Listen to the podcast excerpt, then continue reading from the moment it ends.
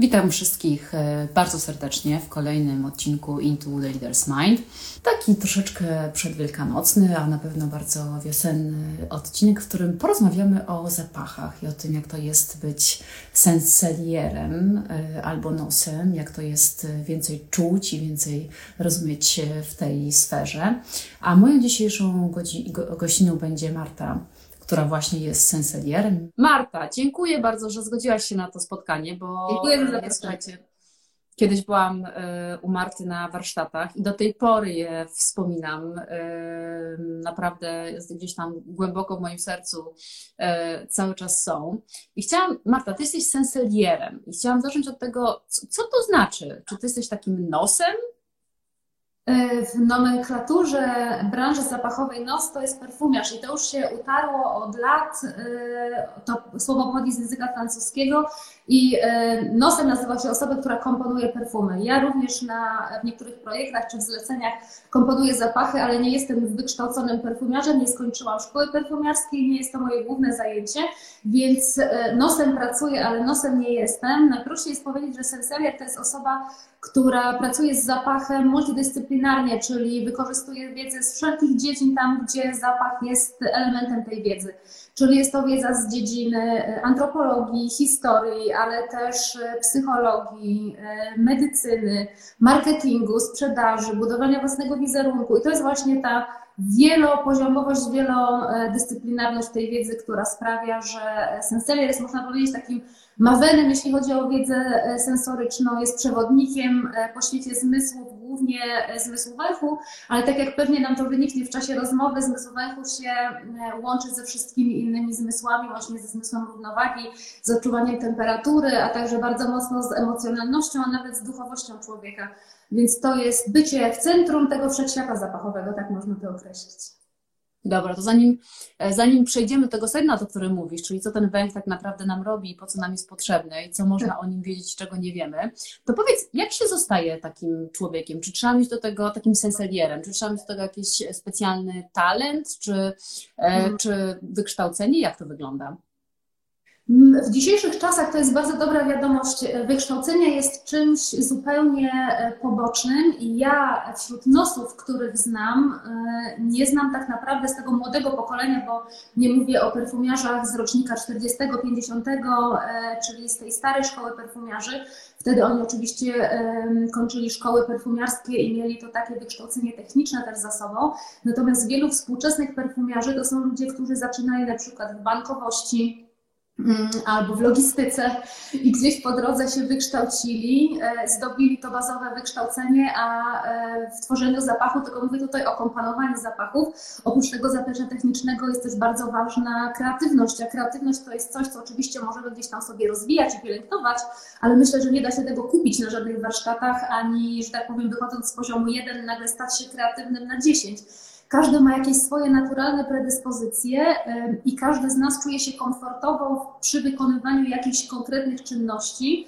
E, I na pewno oczywiście do bycia sensorierem jest bardzo potrzebny węch, to znaczy należy mieć węch prawidłowo działający, czyli należy mieć zdrowy e, narząd węchu, E, nie można mieć żadnych fizjologicznych przeszkód w odczuwaniu węchu, e, zapachów, ale też e, oczywiście bardzo ważne są zdolności werbalne, bo na przykład perfumiarze generalnie nie potrzebują komunikować słowem zapachu. Oni pracują nad zapachem fizycznie i on potem oddziałuje na nas w taki, a nie inny sposób, ale zwłaszcza przez ostatnie dwa lata, od początku pandemii widać bardzo wyraźnie, że ta sprawność werbalna w kontakcie z zapachem jest bardzo ważna, bo na przykład duża część tego świata zapachowego przeniosła się do online'u, E, a tam możemy oczywiście pokazać zapach też animacją, kolorem, e, można go wyrazić ruchem, ale ważne jest też słowo.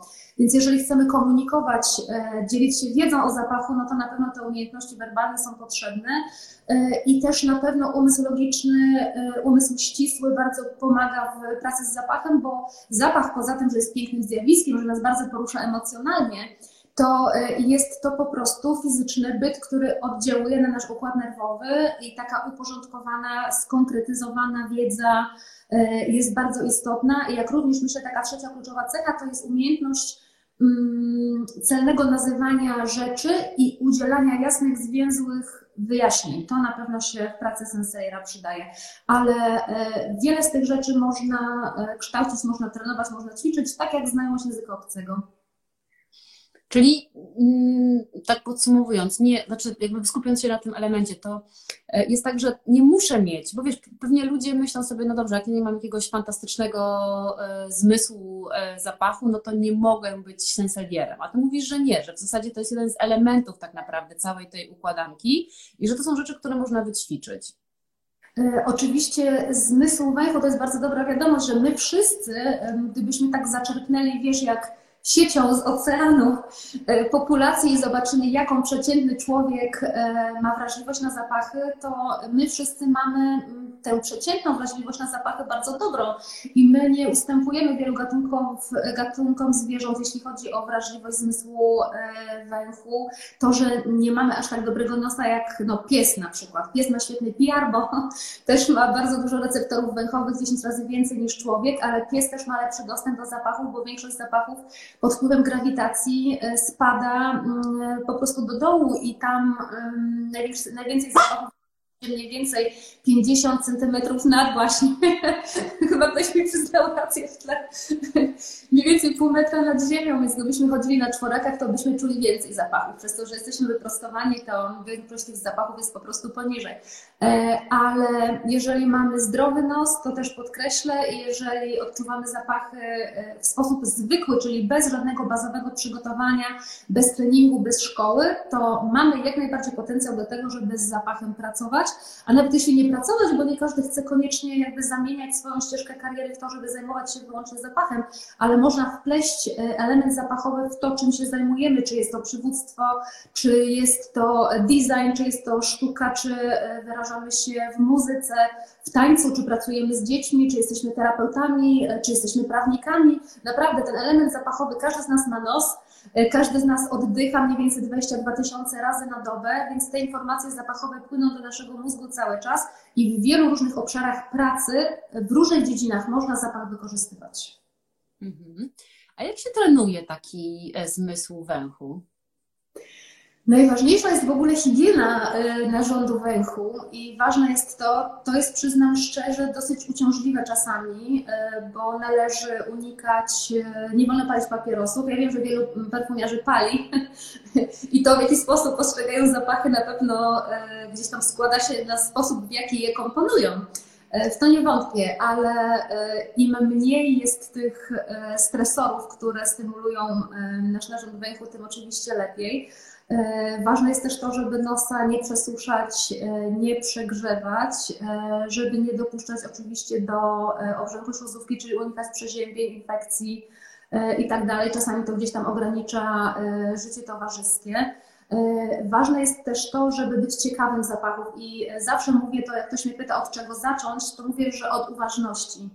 To też jest taki pierwszy krok, jak chcemy edukować swoje dzieci, inwestując w ich przyszłość, kiedy myślimy o tym, że może w przyszłości dzieci będą zajmowały się zapachem, to warto jest zwracać uwagę na to, że zapach istnieje, że zapach jest e, częścią człowieka, że dłonie mamy pachną inaczej niż dłonie taty, że pies pachnie inaczej niż kot, że jedzenie i picie, które mamy na stole pachnie inaczej w kwietniu, a inaczej w listopadzie.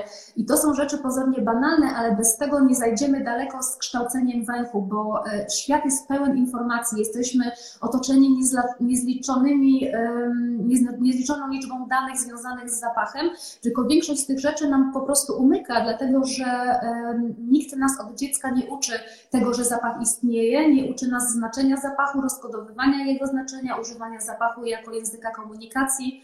E, I to też jest taka moja mała misja, żeby pracować już e, z ludźmi od najwcześniejszych lat żeby pokazywać, że, że zapach jest takim bardzo naturalnym elementem naszego świata.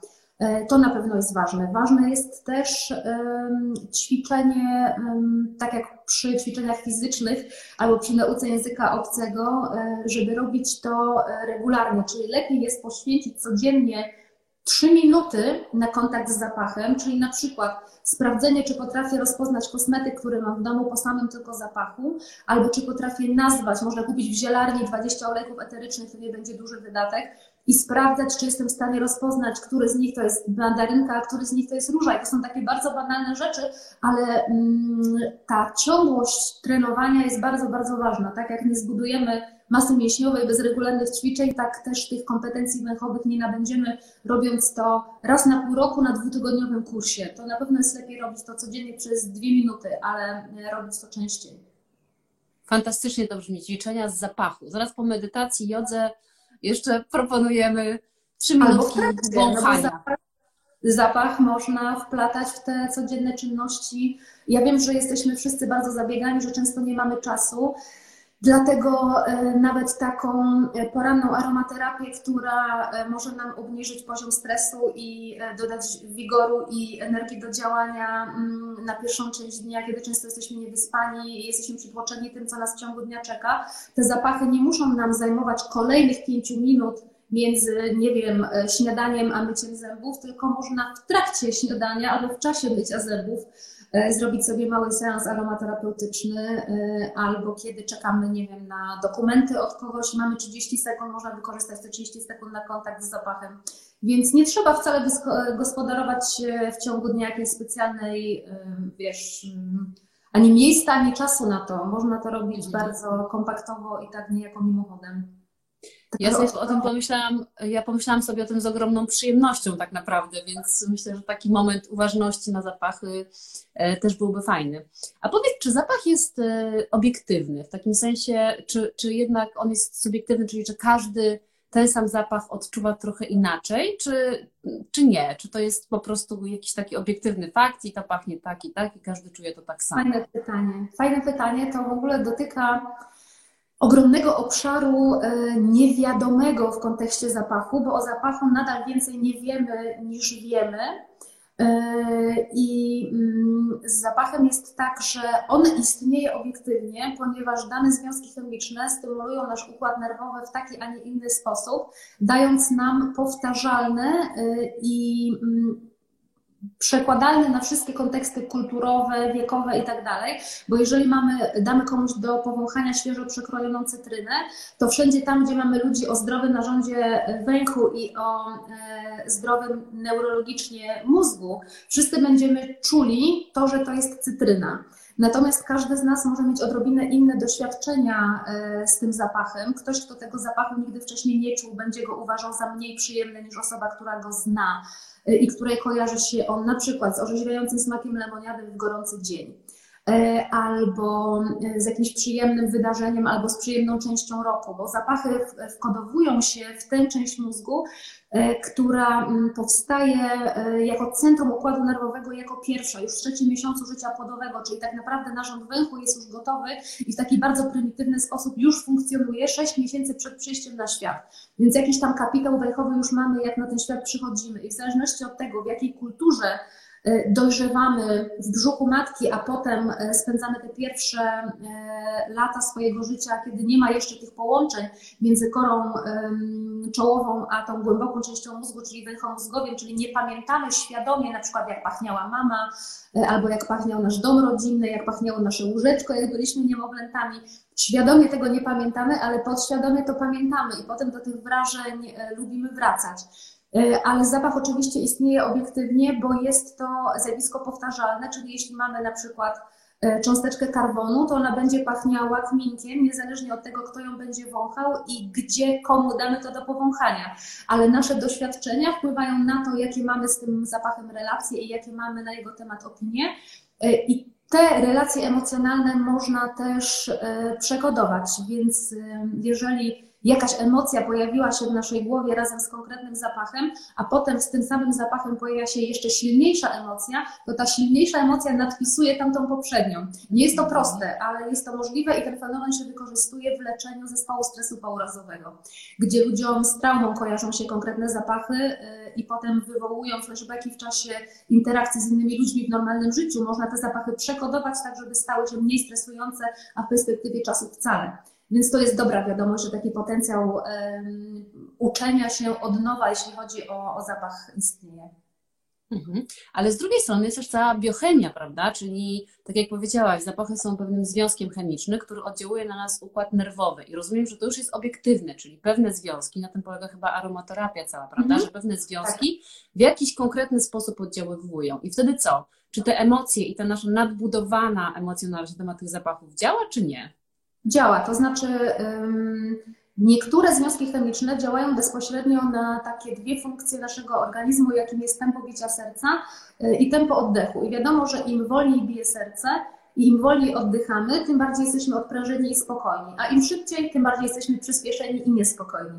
Y, I tak działają niektóre związki chemiczne obecne w olejkach eterycznych z roślin i od tego w pewnym sensie, jakby od tego wpływu mm, tych substancji na nasz organizm ucieczki nie ma, ale nasza reakcja emocjonalna może być zupełnie inna. To znaczy, jeżeli mam takie doświadczenie, nie wiem, z zapachem pomarańczy, e, dla mojego pokolenia pomarańcze to jest zapach świąt Bożego Narodzenia, natomiast dla młodszego pokolenia już nie, dlatego że mogą mieć pomarańcze codziennie i pić sok pomarańczowy parę razy dziennie, nie jest to nic specjalnego, więc osoba, która ma dzisiaj lat 15 i ta, która ma 45, na poziomie fizjologicznym dozna tego pobudzenia, tego skoku energii przy wdychaniu olejku, na przykład z mandarynki czy z pomarańczy, ale w mojej głowie stworzy się nostalgiczny krajobraz odprężenia i bliskości z rodziną, natomiast e, w głowie tej młodszej osoby może żaden, a może śniadania z rodzicami, a może czegoś jeszcze zupełnie innego. Więc tutaj takie kody są dla nas wspólne w grupach wiekowych, ale także w grupach kulturowych. Dlatego jak planujemy włączyć zapach e, do na przykład elementu naszego, jako element naszego wizerunku, to ważne jest to, żeby być świadomym tego, do kogo tym zapachem chcemy mówić, bo ten sam zapach wykorzystany w rozmowie biznesowej w Tokio może się okazać pomyłką, e, a w Nowym Jorku wielkim sukcesem, więc to też jest bardzo istotne. A jak dobierać zapachy do siebie? Czy to jest, y, czy w ogóle jest jakaś metodologia do tego, tak, żeby rzeczywiście to działało? Czy to jest zupełnie intuicyjna historia i mhm. działamy, podoba mi się, nie podoba mi się? Jak to sprawdzić? Ja porównałabym to do zbierania ekipy na wycieczkę i do zbierania zespołu w dziale, którego jesteśmy szefową. Bo jeżeli zbieramy ekipę na wycieczkę, to myślimy o ludziach, e, z którymi czujemy się najlepiej, którzy sprawiają, że jesteśmy odprężeni, szczęśliwi, radośni, z którymi chcemy dzielić e, dni, wieczory i noce i nie zastanawiać się nad tym, z której strony pokazujemy siebie, czy można jakąś część siebie ujawnić, czy nie. I tak samo szukamy zapachów, które mają nam sprawić przyjemność. Czyli jeśli pytasz o dobieranie zapachu do siebie, czyli do tego, co mi sprawia przyjemność i co mi się podoba, to jest tutaj pełna dowolność i tu y, odpowiedź jest bardzo krótka. Po prostu kierujemy się tym, co sprawia nam przyjemność. Natomiast jeśli traktujemy zapach jako narzędzie perswazji albo jako właśnie element budowania wizerunku, albo jeśli traktujemy zapach jako element marki, która jest na przykład naszą marką osobistą, albo którą reprezentujemy, albo której działania chcemy komunikować z wykorzystaniem zapachu.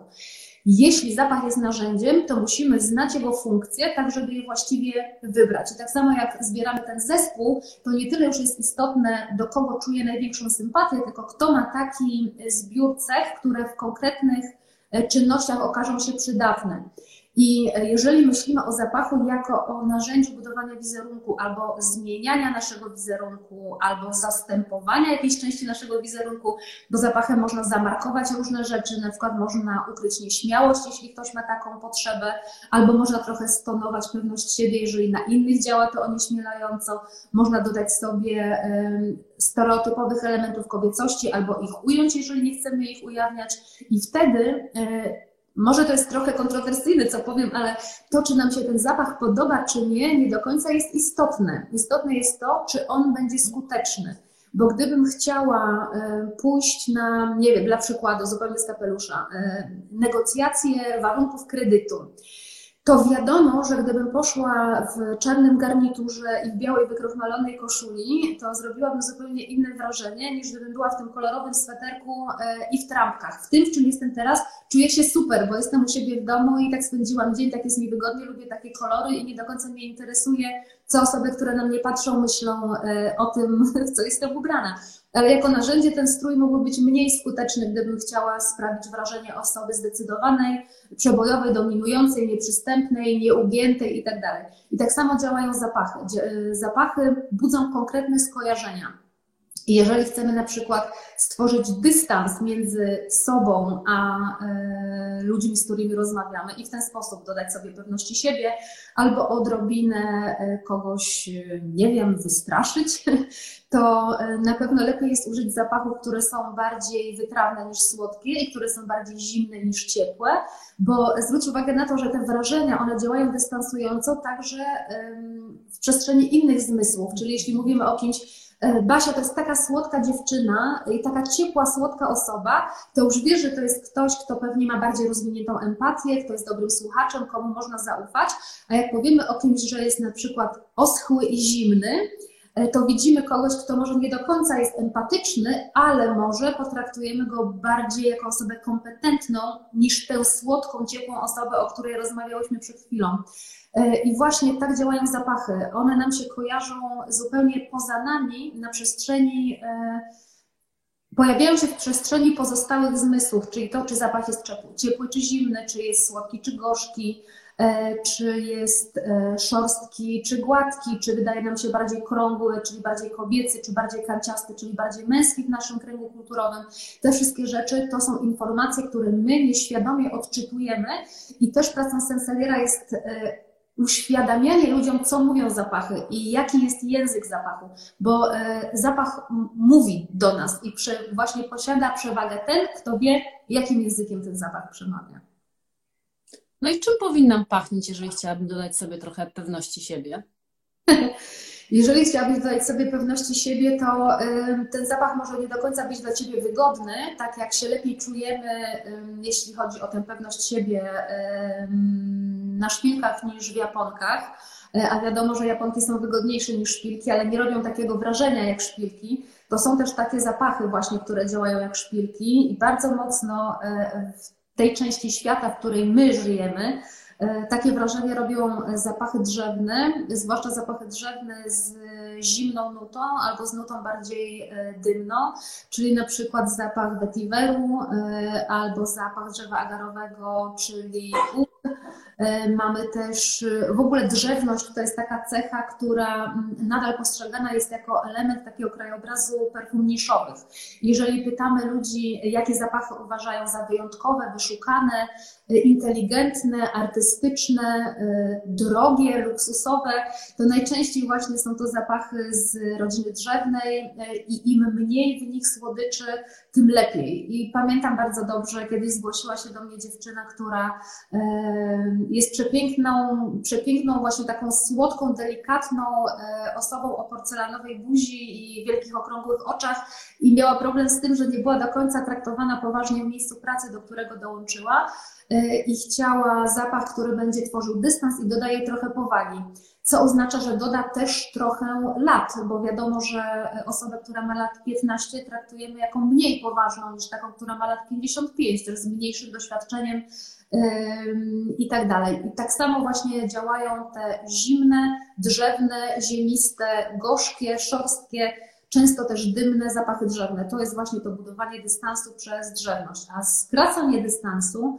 e, czyli ocieplanie swojego wizerunku, e, ściąganie uwagi do naszej empatii, ale także do naszej cielesności, e, do naszej kobiecości. To są e, zapachy, które są bardziej krągłe, które są bardziej słodkie, bardziej ciepłe i im bardziej słodki jest zapach, im bardziej kojarzy się spożywczo, tym bardziej, zupełnie mówię teraz poważnie, chcemy go dotykać ustami językiem, czyli chcemy całować, chcemy jeść. Mówimy, że ktoś jest do skrupania albo że e, żebym cię zjadła. To są właśnie te takie wrażenia wokół słodko-miękko. E, nieświadome skojarzenia ze smakiem waniliny, która jest naturalnym składnikiem e, mleka matki. I tego też nie pamiętamy świadomie, ale szukamy tych słodkich mlecznych, ciepłych wrażeń, bo to jest e, to wrażenie intymnego kontaktu z drugim człowiekiem. Mówisz teraz o takich skojarzeniach z zapachem, prawda? No bo to, co mówisz o tym budowaniu wizerunku, którego elementem jest ten zapach i który może tak naprawdę w jakiś sposób, e, e, no troszeczkę zmanipulować tą naszą tożsamością, którą chcemy w jakiś sposób pokazać, to czy te skojarzenia, bo mówisz, że na przykład zapachy drzewne to są zapachy, które są kojarzone w taki sposób, a e, te, te słodkie w inny, czy to jest, czy te skojarzenia budują się indywidualnie, czy to, było, czy to jest kulturowe, Czy to jest jakoś tam ewolucyjne? Skąd się wzięły te skojarzenia z konkretnymi typami zapachów albo zapachami? Super, super pytanie, bo faktycznie jest tak, w pewnym sensie już sobie na nie odpowiedziałaś, ale chętnie Ci poszerzę jakby każdy z tych punktów, z tych punktów, które poruszyłaś. E, na pewno bardzo ważne jest ten, to wspólne doświadczenie, czyli e, poszczególne grupy pokoleniowe e, ludzi pochodzących z konkretnych miejsc na świecie mają wspólne, spójne doświadczenia. I jest tak, że obecnie żyjemy w czasach, które są przeładowane zapachem i bardzo trudno jest zmapować tożsamość zapachową pokolenia Z, dlatego że ludzie urodzeni po roku 2000 urodzili się w świecie zdominowanym przez zapachy. Teraz tak naprawdę trudno trudno jest znaleźć produkty, e, które nie pachną. Zanim znajdziesz na przykład niepachnące chusteczki higieniczne, niepachnący papier toaletowy, bezzapachowe mydło w płynie, trzeba się bardzo, bardzo naszukać. E, a mm, jeszcze poprzednie pokolenie, e, jeżeli miało do wyboru, już nie mówię o moim pokoleniu X, ale nawet pokolenie Y, mając do wyboru mydło niepachnące i mydło pachnące, wolało mydło pachnące, bo szukaliśmy tej stymulacji, dlatego że wyrośliśmy z czasów, które były sensorycznie dosyć ubogie. E, I dla porównania możesz zobaczyć, że w roku, w którym się urodziłam, było na świecie mniej niż 50 premier zapachowych, czyli globalnie pojawiło się 40 parę nowych zapachów. A przed pandemią, bo oczywiście dwa ostatnie lata to już jest troszeczkę inna historia, ale przed pandemią e, ostatnia liczba, jaka była podana, to mniej więcej 2800 nowych zapachów. E, w roku 2019, więc e, to jest olbrzymia liczba produktów zapachowych i wiadomo, że e, ludzie z pokolenia Z doświadczają świata również przez nos o wiele intensywniej niż na przykład ludzie z pokolenia X I to, kiedy się urodziliśmy i gdzie się urodziliśmy, bardzo mocno definiuje to, jak poszczególne wrażenia zapachowe odbieramy, bo na przykład, e, jeszcze wracając do tych wrażeń e, drzewnych, jeżeli weźmiemy na przykład 40-letnią Polkę i 40-letnią Saudyjkę, to dla 40-letniej Polki zapach drzewny będzie zapachem bardzo wyszukanym, bardzo egzotycznym, natomiast dla Saudyjki będzie to normalny zapach, nie robiący na niej żadnego większego wrażenia, dlatego że w jej kulturze e, to są zapachy, które po pierwsze są istotnym elementem życia codziennego, e, są istotnym elementem życia rodzinnego, towarzyskiego, e, a także kulturowo jakby siedzą w kulturze Arabii Saudyjskiej od tysięcy lat, więc my mamy zupełnie inne doświadczenie jako Europejczycy, a już szczególnie jako Polacy i gospodarczo, ale też e, geograficznie, no bo w Polsce Kiedyś Polska była e, krajem, z którego pozyskiwano smołę brzozową, e, którą wykorzystuje się do tworzenia akordu skórzanego, ale u nas nie ma zbyt wielu roślin, które przydają się w perfumiarstwie. Jesteśmy dosyć ubodzy, jeśli chodzi właśnie o te, te składniki zapachowe. Przez dłuższy, dłuższy czas, większość historii u nas było po prostu za chłodno. E, a czym innym jest zapach na przykład kwiatu pomarańczy dla kogoś, kto się urodził i wychował w Prowansji, e, a czym innym dla kogoś, kto się e, urodził i wychował pod Poznaniem, więc ta ta kulturowa wspólność zapachu jest bardzo istotna, ale oczywiście istotne jest też osobiste doświadczenie.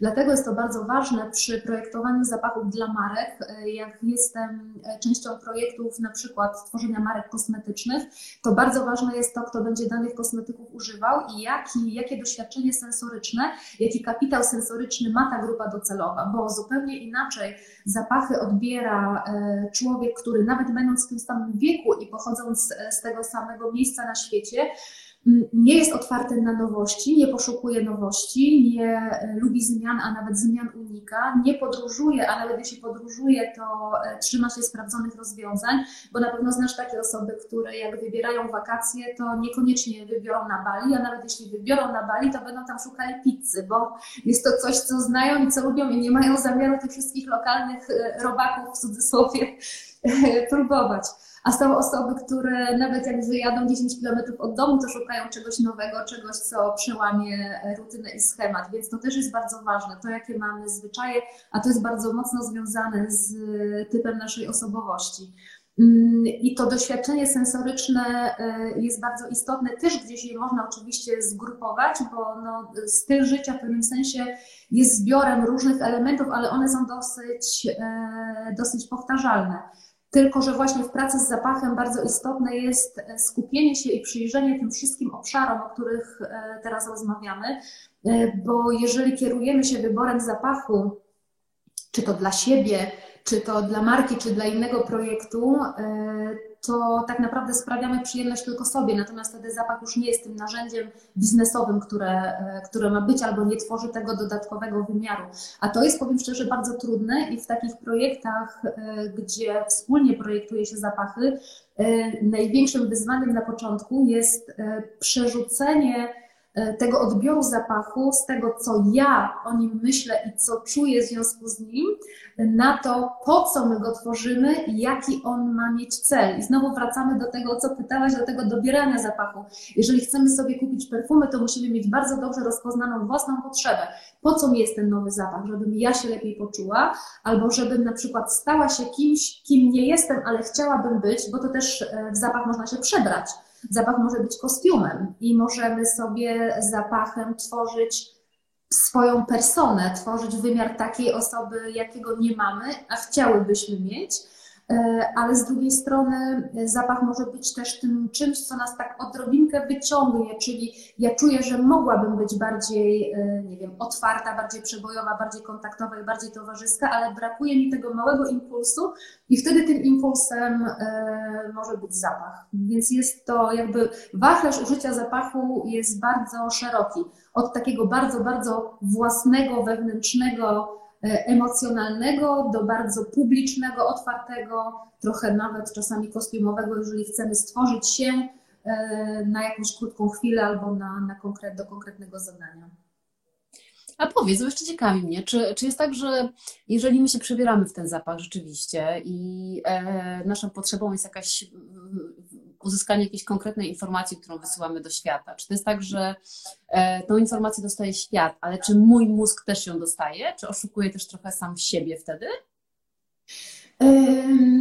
Okej, okay. odpowiem tak. Mm, jeżeli ktoś e, czuje się cytryną, to nie mówi sobie, że jest czekoladą, ale może e, postarać się być mandarynką, może to bezsensowna metafora, ale wiesz o co chodzi? Chodzi o to, tak. że jeśli ja mam w sobie 1% e, pewności siebie i chciałabym mieć jej 20%, e, to jest to możliwe, bo jest ten jeden i jest z czym pracować. E, natomiast zapachem oczywiście skutecznie kłamać się zapachem nie da, dlatego że będzie to męczące również dla nas. I myślę, że widać to bardzo mocno, jak ktoś jest w cudzysłowie przebrany, to znaczy ubrany jest w coś, co zgodne jest z dress danego wydarzenia czy danej sytuacji albo co nawet pasuje do e, sylwetki danej osoby, ale widać, że ta osoba nie czuje się w tym komfortowo i ani nie siedzi tak, jak lubi, ani nie porusza się tak, jak lubi, ani nie rozmawia tak, jak lubi, bo na przykład ubranie ją ogranicza, albo odkrywa za dużo ciała i czuje się z tym niekomfortowo, albo przeciwnie, zakrywa za dużo ciała i czujemy się z tym niekomfortowo. I tak samo jest z zapachem. E, to nie jest tak, że jak ktoś jest e, ciepłym, otwartym, słodkim, e, miłym człowiekiem, a myśli sobie, chciałbym być wrednym, bezdusznym, e, psychopatycznym złoczyńcą, to ten zapach sprawi, e, że się kimś takim stanę. Nie, ten zapach sprawi, że stworzymy taki dysonans między tym, co komunikuje nasza twarz, nasz uśmiech, nasz głos, nasza mowa ciała, słowa, których używamy, i też cała nasza historia życia, bo to wszystko jest wypisane na naszych twarzach, naszych gestach i tak dalej. I zapach może odrobinkę to podkręcić i może e, na przykład pchnąć nas w jakimś kierunku albo być początkiem jakiejś zmiany, a czasami też jest tak, że my nie zauważamy, jak bardzo zmieniliśmy się przez doświadczenia naszego życia, na przykład przez ostatnie 5 lat czy ostatnie 10 lat, że osoba, którą byliśmy mając lat 20, to nie jest ta sama osoba, którą jesteśmy jesteśmy mając lat 30 i to jest zupełnie naturalna rzecz w życiu. E, I też trudno jest oczekiwać, że e, zapach, który towarzyszył nam dekadę temu czy dwie, będzie nadal naszym dobrym towarzyszem. I często jest właśnie tak, że jak zapach, który kochamy, który znamy i lubimy, zaczyna nam przeszkadzać, to to jest ciekawy sygnał, nie żeby przyjrzeć się zmianie perfum, tylko żeby przyjrzeć się najpierw zmianie w sobie, a perfumy potem przyjdą. Tylko warto jest się właśnie przyjrzeć temu, dlaczego jest mi niewygodnie z tą marką, którą znam tyle lat. kim dziś jest Marta, kim nie była 10 lat temu? To są bardzo ciekawe pytania. Mhm. No wiesz, ja 20 lat temu używałam Angel Muglera i jak połowa chyba świata w tamtym czasie i nie wyobrażam sobie, że mogłabym tego używać teraz kompletnie, więc absolutnie masz rację, że pewnie jakieś etapy rozwoju, samoświadomość, też tak jak mhm. mówisz, potrzeby, prawda? I takie twoje miejsce w świecie danym ten zapach ilustruje w danym momencie. Wiesz, jeśli masz, bo powiedziałeś teraz coś o bardzo konkretnym zapachu, jeśli masz gdzieś flakon Angela sprzed 20 lat, to trzymaj go, bo to już jest taki rarytas, który jest bardzo trudno znaleźć. Ten zapach był reformułowany i nie ma już sobie tej, e, tych wymiarów, które już nie chcę mówić głębi, bo nie chodzi o to, że ten zapach stał się płytki, ale tych wymiarów, który miał w roku premiery. E, ja też mam mm, jeszcze mały flakon z tamtych lat i urządzam sobie czasem, zwłaszcza w listopadzie, bo dla mnie to jest zapach takich mrocznych ciemnych, wilgotnych dni i lubię sobie otworzyć okno w domu i psiknąć w powietrze i tak chwilę posiedzieć w ciemnym pokoju e, z tym zapachem. To mnie zabiera na taką bardzo e, taka miękka cisza się tworzy wtedy wokół mnie i to, to ciepło tej słodyczy mnie w taki przyjemny sposób otula. Więc fajnie, że go przywołałaś, bo w kwietniu o nim nie myślę, a tak to pomyślałam. Zapiszę się do ciebie na seans w takim razie z Angelem, bo ja niestety nie mam, ale chętnie wpadnę do ciebie, żeby sobie powąchać. Powiedziałaś coś pięknego, że tak, oczywiście ty jesteś totalną specjalistką i ekspertką o tym, jak mówić o zapachach, ale to, co przed sekundą powiedziałaś o tym, że ten zapach kojarzy się z tym i wywołuje w tobie takie, mm, takie odczucia, czy takie wręcz obrazy. E, powiedz, czy zapach w ogóle jest takim fajnym nie wiem, czy można go nazwać produktem, ale narzędziem do pracy z wyobraźnią, która tak strasznie jest nam potrzebna w tej chwili, e, nawet do pracy zawodowej. No, kolejne fajne pytanie, e, bardzo rozwojowe. Oczywiście zapach i wyobraźnia są ze sobą połączone w obie strony. To znaczy, jak pomyślimy sobie o wyobraźni jako czymś, co jest naszym kapitałem, czyli jest to są to zasoby, które zbieramy przez całe życie, bo jeżeli zaczynamy sobie coś wyobrażać, no to korzystamy z jakichś informacji, które już w naszym mózgu są. Czyli ten kapitał wyobraźni jest już zebrany, ale jest też zbierany i będzie zbierany w przyszłości. I można wykorzystywać zapachy i do jednego, i do drugiego, czyli do podróży w czasie wstecz, do cofania się na przykład do mm, okresów w życiu e, albo konkretnych chwil w życiu, kiedy czuliśmy się w konkretny sposób I to jest świetny mm, sposób na regulowanie własnych emocji e, i własnych nastrojów. E, jeżeli potrafimy sobie przypomnieć, jakie zapachy towarzyszyły dobrym chwilom, i to mogło być chwile z różnych obszarów naszego życia. To mogła być na przykład chwila sukcesu w pracy, albo chwila dumy z sukcesu naszego dziecka albo członka rodziny ale mogła być to na przykład romantyczna chwila, albo chwila bliskości z kimś, albo e, chwila radości, e, chwila kontaktu ze sobą i tak dalej. Jeżeli potrafimy skupić się i przypomnieć sobie zapach, który nam wtedy towarzyszył, a czasami naprawdę wystarczy spojrzeć na zdjęcie i zobaczyć, co dookoła pachniało, to jest tak, że kontakt z tym zapachem przeniesie nas e, do tamtego, do tamtego momentu. I to bardzo często ze wszystkimi innymi wrażeniami. E, dlatego ważne jest projektowanie takich wspomnień, i ja to zawsze podkreślam, że trzeba też włożyć trochę wysiłku w ten swój kapitał sensoryczny.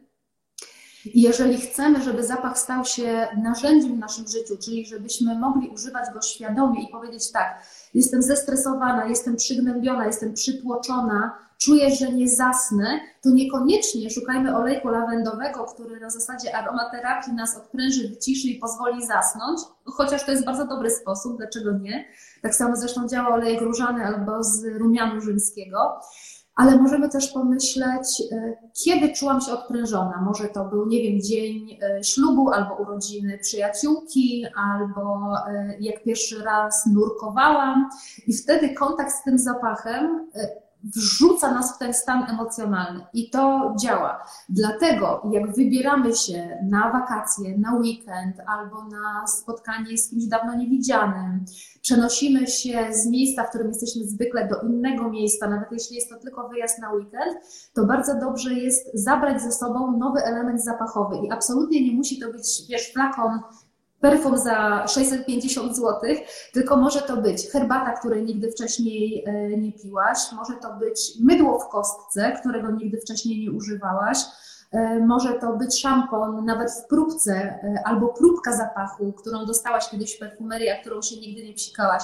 I bardzo ważne jest to, że jak rozpoczyna się ta podróż, ten wyjazd, to przeżycie, to doznanie, żeby zacząć się kontaktować z tym zapachem, czyli pić tę herbatę albo używać tego zapachu, myć się tym mydłem, może nawet tak troszeczkę na siłę, żeby się nakodować nim, i żeby te emocje zapisały się w naszej głowie.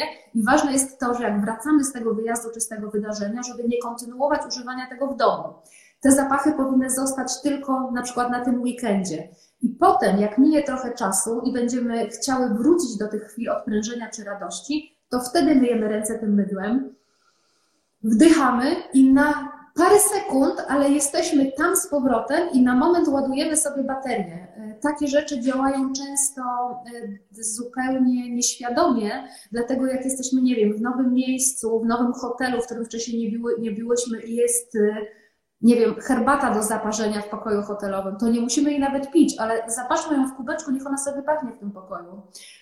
I potem ta sama torebka herbaty zaparzona zabierze nas na ten weekend w Madrycie. To naprawdę działa, to czasami można zrobić, wiesz, za dwa złote.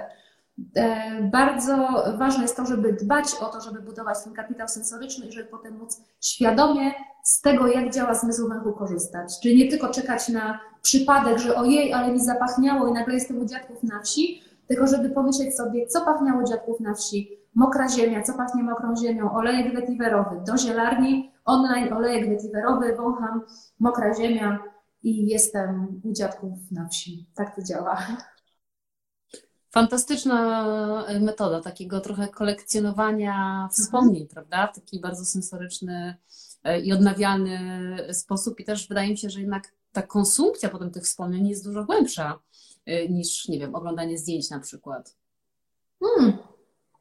Na pewno jest tak, na pewno jest bogatsza o te e, wrażenia zmysłowe i też bardziej utrwalają się przeżycia, którym towarzyszą wrażenia zmysłowe. I to niekoniecznie musi być e, zapach, ale zapach, tak jak mówiłam Ci, e, te 22 tysiące wdechów, które bierzemy w ciągu doby, także w nocy, to jest olbrzymia ilość informacji zapachowych i nie jesteśmy w stanie jeść 24 godziny na dobę, pić 24 godziny na dobę, całować się 24 godziny na dobę, przytulać kota 24 godziny na dobę, a jednak 24 godziny na dobę oddychamy zapachami.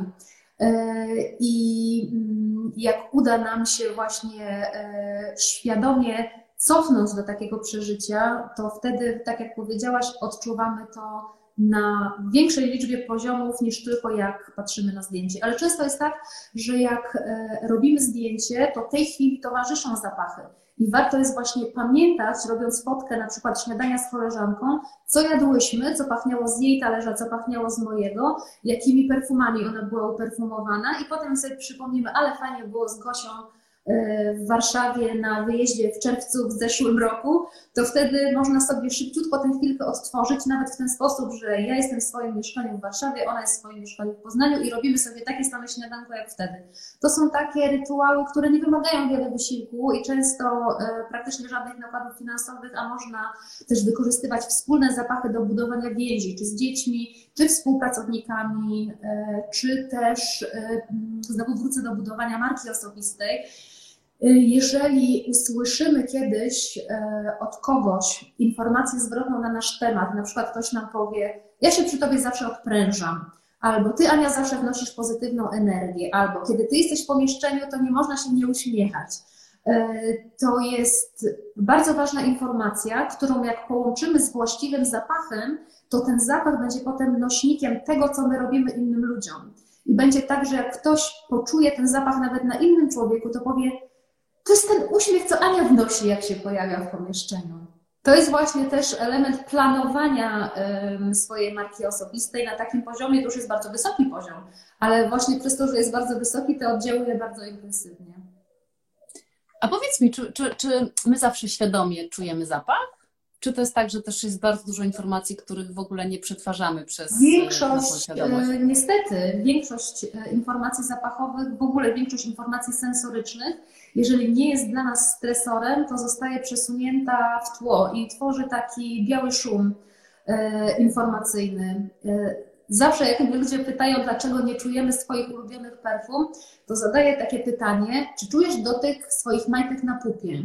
Bo większość z nas ma majtki na pupie, a jednak nie czujemy ich dotyku. Czujemy dotyk majtek wtedy, kiedy je na siebie wkładamy, wtedy, kiedy je z siebie zdejmujemy, albo kiedy ktoś je z nas zdejmuje, albo jeżeli majtki są z nieprzyjemnego materiału, albo są za ciasne. E, I wtedy oznacza to, że ten dotyk jest stresujący.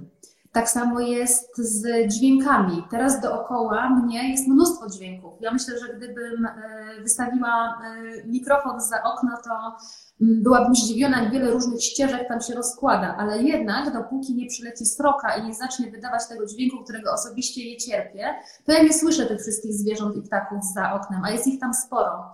E, I tak jest niestety z zapachem. E, zwracamy uwagę tylko na zapachy, które A są e, różne od otoczenia w naturalny sposób. Te zapachy, które oddziałują na nas przez skojarzenia bardzo pozytywnie, czyli ojej, ktoś pachnie jak mój pierwszy chłopak, albo bardzo negatywnie, o Boże, ten to pachnie jak mój były mąż albo są to zapachy, które działają na nas alarmowo, czyli o, o gdzieś się coś pali, zapomniałam wyjąć coś z piekarnika, e, albo mm, być może czas na prysznic, bo to też jest informacja o e, naszym stanie zdrowia albo o stanie zdrowia drugiej osoby, albo na przykład naszych zwierząt. Ja myślę, że bardzo często właściciele zwierząt wiedzą po zapachu, czy zwierzę dobrze się czuje, e, czy coś się zmieniło w jego stanie zdrowia i tak dalej. To zresztą jest osobny temat.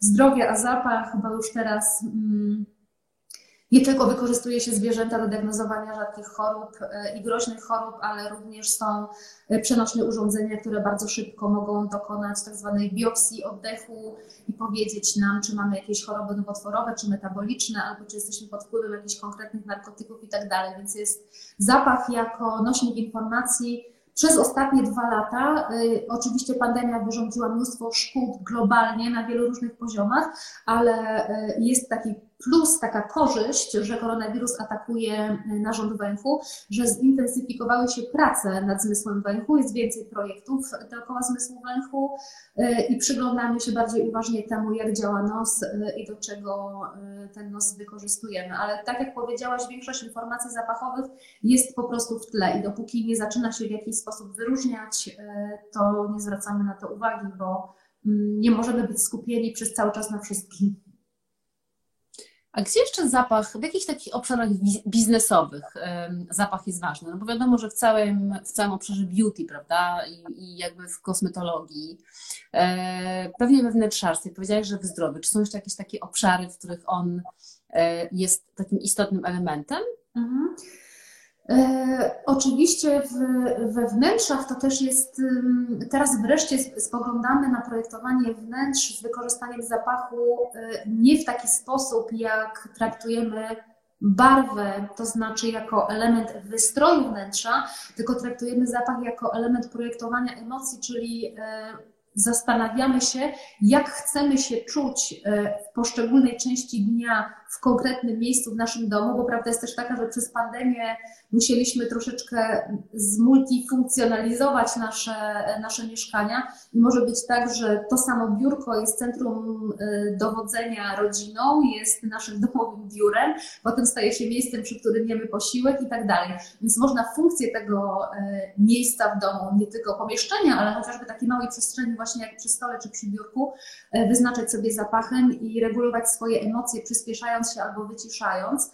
E, bardzo ważne, mm, tak jak mówiłaś o kosmetologii, e, bardzo ważny jest zapach nie tylko w kontekście tego, jak on wpływa na nasze samopoczucie, bo aromaterapia to jest temat znany już od wieków i tutaj nie ma żadnych tajemnic do odkrycia.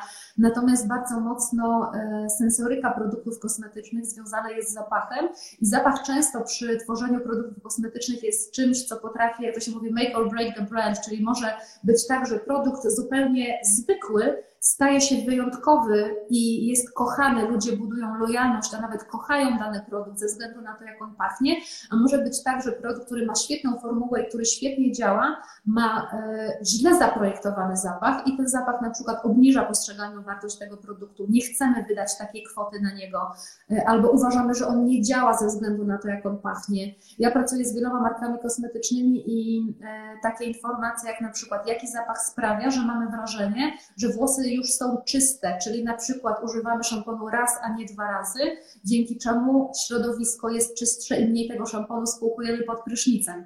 E, bardzo często e, konsumenci nie wiedzą, ile pracy e, idzie do zaprojekt, ile pracy wkłada się w zaprojektowanie kompozycji zapachowej, ale to są takie rzeczy, które my czujemy często nieświadomie, ale przypisujemy zapachom wartość i przypisujemy też ludziom poszczególne cechy.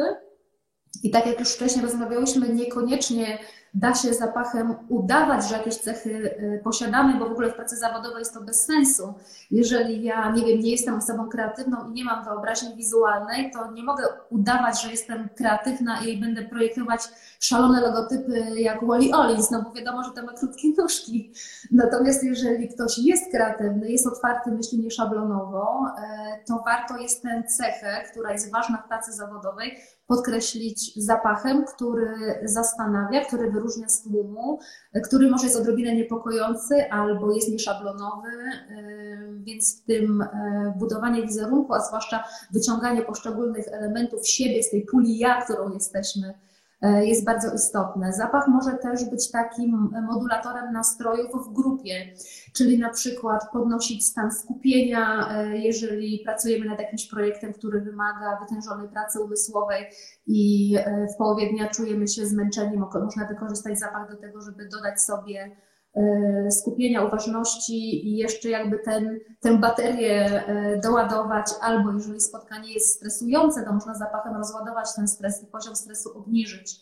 E, albo łagodzić na przykład u dzieci lęki separacyjne, kiedy muszą rozstać się z rodzicami albo z mamą, wyjeżdżając w inne miejsce, albo na przykład muszą spędzić czas e, w szpitalu, albo nie wiem, rodzic jest w szpitalu, a dziecko zostaje w domu i cierpi rozłąkę z rodzicem, to można na przykład zostawić e, koszulkę albo piżamę, w której się spało, tak żeby dziecko mogło się do tego naszego zapachu ciała przytulać, bo wtedy powstaje tak jakby hologram. Mamy albo taty i mamy wrażenie, że ta osoba jest z nami. I myślę, że taka mm, w ogóle podstawy tego, jak działa zmysł węchu jak działa zapach, powinny być razem z umiejętnościami komunikacyjnymi e, pokazywane dzieciom już od bardzo, bardzo wczesnych, e, od bardzo wczesnych lat. Czasem jest tak, że jak e, jesteśmy rozdrażnieni, zaniepokojeni, ja sprzedam Ci mój osobisty patent. Jak mam za dużo, mm, jeśli muszę wyłożyć za dużo empatii, że tak powiem, i czuję się rozedrgana, to tak, żeby się zagruntować, e, to wącham chleb, kroję kawałek chleba i przykładam go do nosa i oddycham przez ten chleb paręnaście razy. Bo widzisz, aż się aż wzięłam głębszy oddech teraz, mimo że tu chleba nie mam, ale to wspomnienie. E, tak to właśnie działa. Czasami nawet wystarczy pomyśleć o tym zapachu, żeby on zadziałał. Y, to wpływanie na emocje takie na zasadzie troszeczkę, wiesz, jak tabletka od bólu głowy. Y, czuję się mhm. tak i ten zapach sprawia, że poczuję się inaczej. Y, to jest taka rzecz, którą można robić w samochodzie, przy biurku, w domu, w dowolnej chwili. Można taki zapach nosić w torebce, w kieszeni, w schowku na rękawiczki i tak dalej, bo mm, zapach to jest taki obszar, o którym rzadko mówimy, mało o nim wiemy, szkoła o nim nie uczy, więc mamy wrażenie, że wszystko to, co zapachowe, to od razu musi być wiesz, francuskie perfumy z najwyższej półki, że trzeba grube y, biliordy wydawać pieniędzy na to, żeby zapach był ważną częścią naszego życia, a absolutnie tak nie jest. Y, pachnie ziemia dookoła nas, pachnie trawa, pachną rośliny, które mijamy, pachną owoce, które są w przydomowym sklepiku. My pachniemy y, bardzo fajną zabawą, na przykład w domu może być to żeby rozpoznać po zapachu, e, czyja ręka pachnie, czy to jest ręka siostry, brata, cioci, wujka, mamy, taty, babci, dziadka i tak dalej.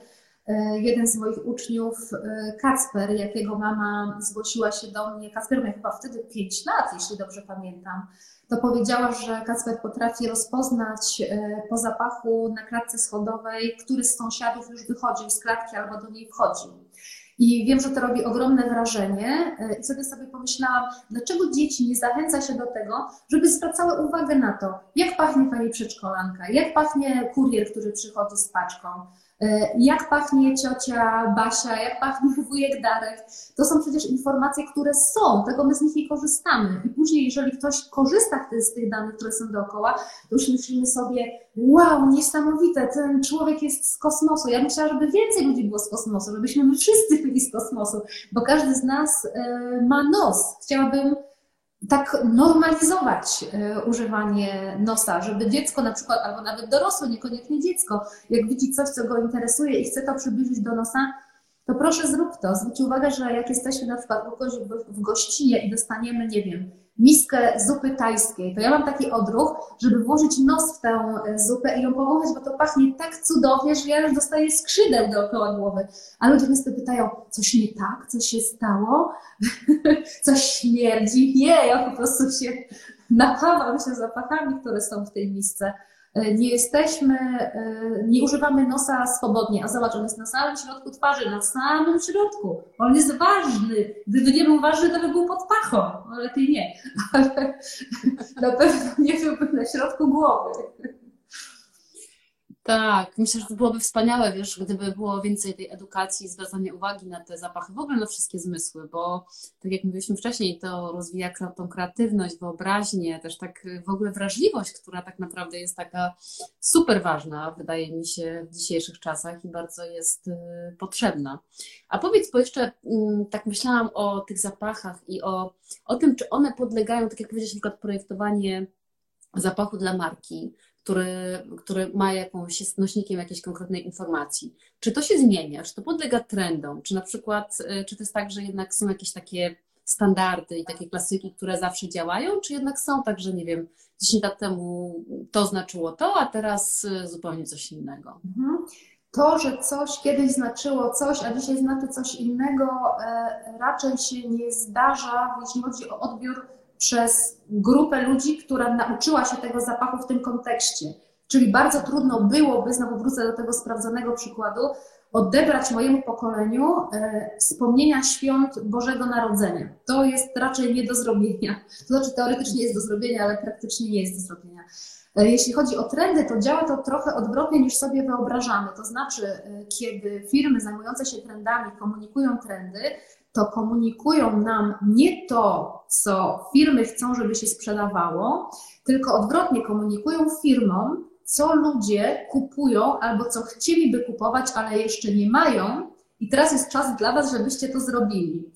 Bo e, trendy obrazują e, nasze dążenia, nasze pragnienia, nasze marzenia, ale także nasze obawy, nasze problemy, nasze trudności. E, I jeśli mówimy o trendach w branży zapachowej, to, e, to jest taki bardzo, bardzo złożony temat, bo z jednej strony trendy w branży zapachowej związane są z tym, czego ludzie potrzebują.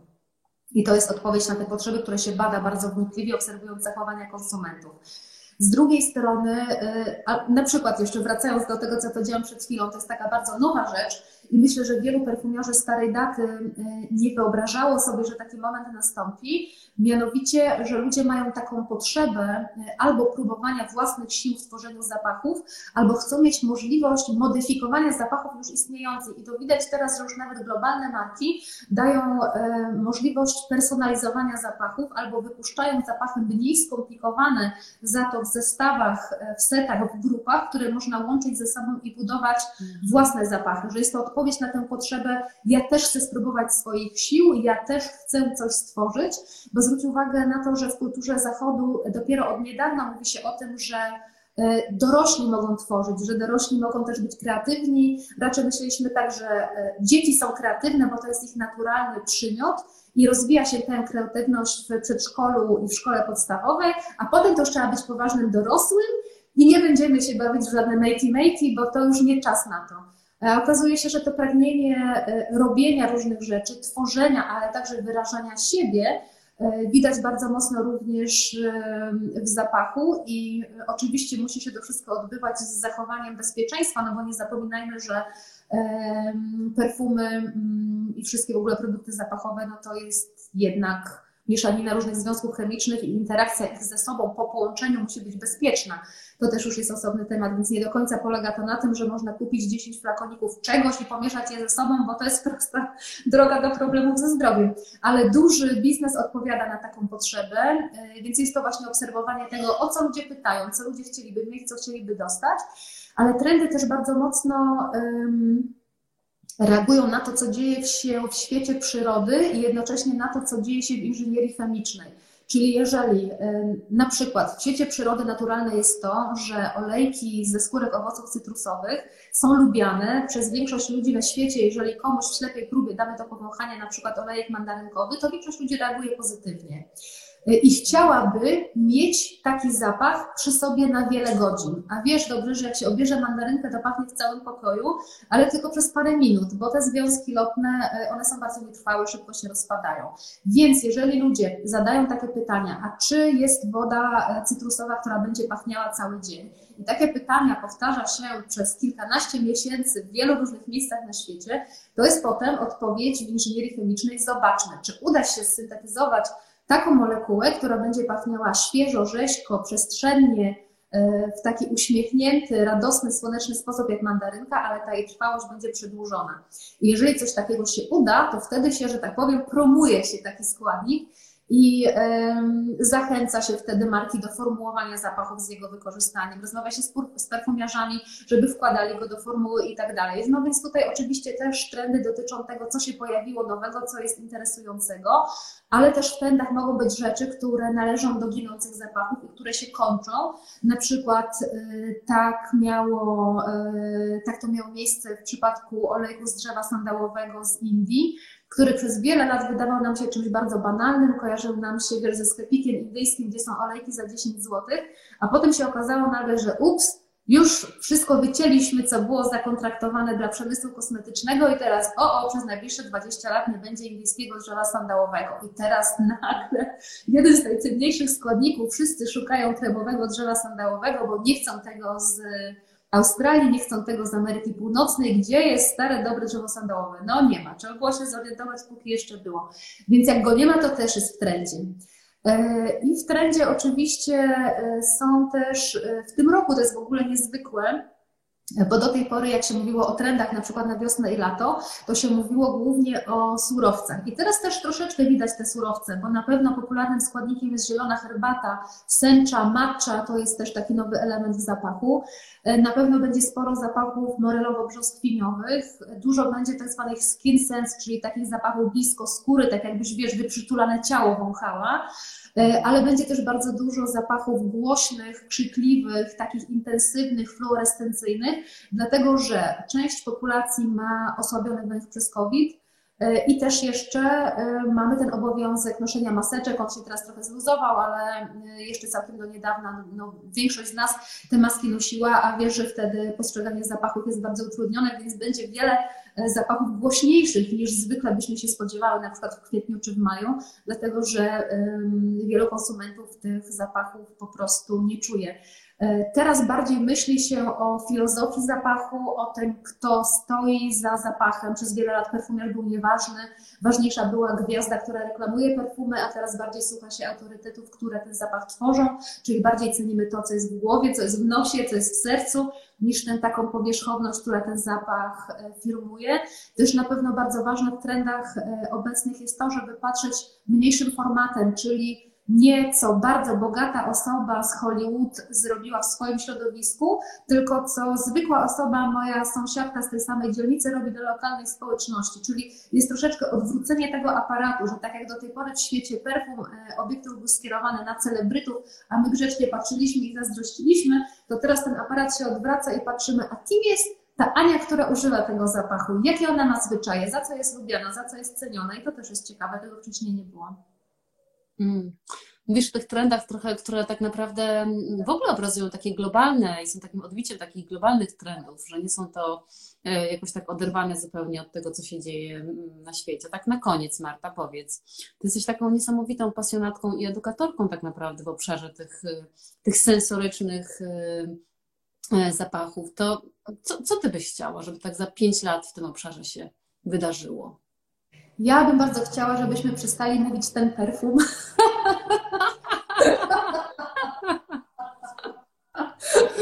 Załatwione. Ale oprócz tego chciałabym, żeby e, zapach, żeby edukacja zapachowa weszła do przedszkoli i szkół, nawet jeśli by to miało być jedno spotkanie w całym w ogóle procesie edukacji, jedna godzina lekcyjna, to już będzie to e, więcej e, niż do tej pory. Chciałabym, żebyśmy mówili o zapachu i pytali się na przykład, co ciekawego ostatnio poczułaś, albo co fajnego ostatnio wąchałaś, albo jaki zapach Cię ostatnio wzruszył, albo weź poleć mi jakiś fajny zapach. Zobacz, że polecamy sobie programy na Netflixie, a jak ktoś powiedział, powiedz mi jakiś zapach, który poprawi mi nastrój, bo naprawdę potrzebuję, albo pożycz mi swoją kurtkę, bo Ty tak fajnie pachniesz, chcę po chwilę, przez chwilę poczuć się Tobą, żeby to znormalniało. E, chciałabym też, żeby pojawiły się zapachy morskie, które chociaż trochę dają złudzenie prawdziwej morskiej bryzy, takiej słonej, mineralnej, kłującej, żeby nie był to zapach metaliczny, żeby nie był to zapach melona, arbuza, ogórka, alg, żyjątek morskich, piasku. Nie, to wszystko już znamy, ale żeby miała też przez chwilę takie złudzenie, że faktycznie jestem nad tym stalowym polskim Bałtykiem, bo bardzo lubię mhm. nasze, nasze morze, lubię jego kolor i, i lubię, e, lubię też w ogóle sensorykę Morza Bałtyckiego e, w całości. I chciałabym też, żeby było mniej reformulacji zapachów, żeby te osoby, które konkretny zapach pokochają, żeby mogły być z nim e, w dłuższym związku niż tylko jeden sezon. Martusia, ja Ci życzę tego wszystkiego, a nam wszystkich życzę, żebyś Ty się sklonowała. Jakoś, no bo nie dasz rady nas wyedukować wszystkich. Dobra, spoko, wiesz... już można kota sklonować, to zobaczę, co się da zrobić. Trzymam Cię za słowo. Bardzo dziękuję. Te wszystkie rzeczy są fantastyczne. To jest niesamowita wiedza, jesteś przeboska, naprawdę. Dziękuję, dziękuję bardzo za zaproszenie na to przeboskie spotkanie. Mam nadzieję, że poruszyłam choć jeden nos. Y, moja misja zapachowa wiecznie żywa. Dziękuję Ci, Aniu. dziękuję Wam wszystkim za wszystkie serduszka, które się sypią od dołu. Dziękuję, kochani. Dziękuję, kochana. Miłego wieczoru. Pięknie pa. pachnącego wieczoru. Tak, na pewno tak będzie. Dzięki. Na razie. Pozdrawiam. Hej.